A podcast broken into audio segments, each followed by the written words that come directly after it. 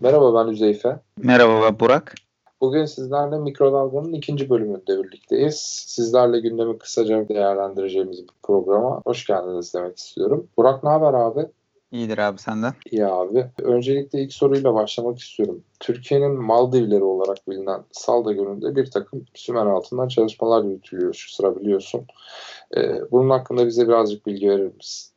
Abi öncelikle şunu belirteyim. Ee, bilinen tabiriyle Türkiye'nin Maldivleri olan Salda Gölü dünyanın en temiz 5 gölü arasındaydı bir zamanlar. Üzülerek söylüyorum ki bizler de halk olarak geniş anlamda kullanıyorum halkı.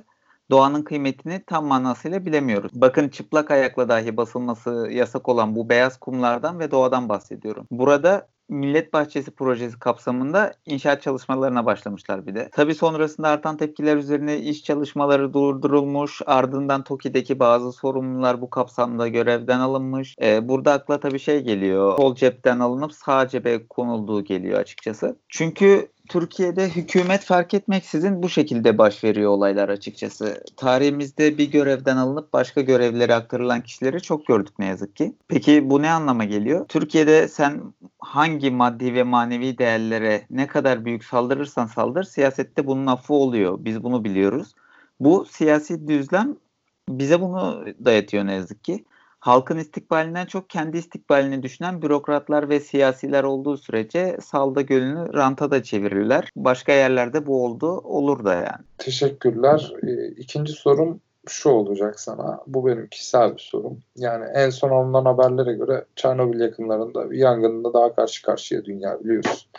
Bize biraz bu Çernobil'den ve yangından da bahseder misin? Yani ilerleyen süreçlerde bizi ne bekliyor? Abi şimdi şöyle Salda'dan sonra bir de çevre ülkelerden gelen tehlikeleri duymamız dünya adına üzücü. Biliyorsun zaten Ukrayna'nın başkenti Kiev'e 110 kilometre uzaklıkta yanlış hatırlamıyorsam Pripyat şehrinin Hemen dışında Çernobil nükleer santrali 1986 tarihinde 4 numaralı reaktörde çıkan yangının önemsenmemesi ve gerekli önlemlerin alınmayarak üstünün kapatılmak istenmesi sonucu çekirdeğe ulaşmıştı ve bu da bildiğimiz üzere bu tarihte nükleer bir felakete neden olmuştu. Yangın ilk çıktığında santralin yöneticileri bir şeylerin ters gittiğini anlıyorlar. İçerideki mühendisler reaktörün prosedürel olarak uygulamaların işlenmesi gerektiğini söylüyorlar. E, çünkü abi ortada ters giden bir şey var. Bu olaya hakim olan kişiler yani çalışanlar, mühendisler bunu görebiliyor. Öngörmek çok da zor bir şey değil teknik bilgiye sahip olduktan sonra.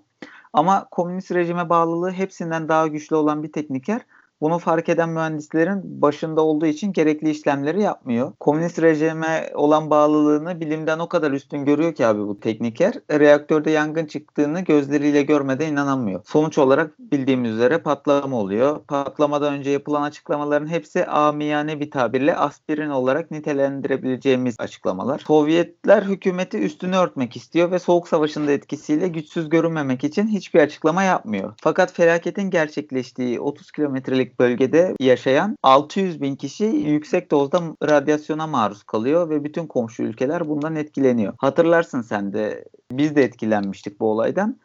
Küreselleşme bölümünde de değinmiştik. Kansere neden oldu bu olay ve tanıdığımız isimlerden olan Kazım Koyuncu dahil birçok insan bu olaylara yenik düştü. Özellikle dönemin başbakanı işte millet rahatlasın diye Cahit Aral'a verdiği talimatta Cahit Aral Karadeniz'e giderek özenle hazırlanmış bir bardak çayı kameralar önünde bize radyasyondan madrasyondan bir şey olmaz diyerek yudumladı. Bugün de buna benzer şeyler yaşıyoruz ve tarih mütekerrir olduğu için bunları size anlatıyorum. 10-12 gün önce Çernobil'de yangın çıkıyor ve hala durdurulamıyor. Çevre örgütleri yangının güvenli bölge olarak tayin ettikleri bir kilometrelik alanı geçtiğini söylemesine rağmen Ukrayna hükümeti hala yangını kontrol altına aldıklarını ve sorun teşkil etmeyeceğini söylüyor. Yani mütekerrir olduğunu bu yüzden söylüyoruz işte. 1986'da da aynı aşamalardan geçtik neredeyse. Bugün de aynı şeyi yaşıyoruz. Abi yangın gelir geçer. Biz insanlık olarak bunu da atlatırız da asıl sorun bu düşünce yapısının varlığı bence. Daha doğru açıklamalar yaparak insanları kandırmaya çalışmayan hükümetler ümidiyle diyeyim ben. Tabii o ümitten de ne kadar kaldıysa bizde.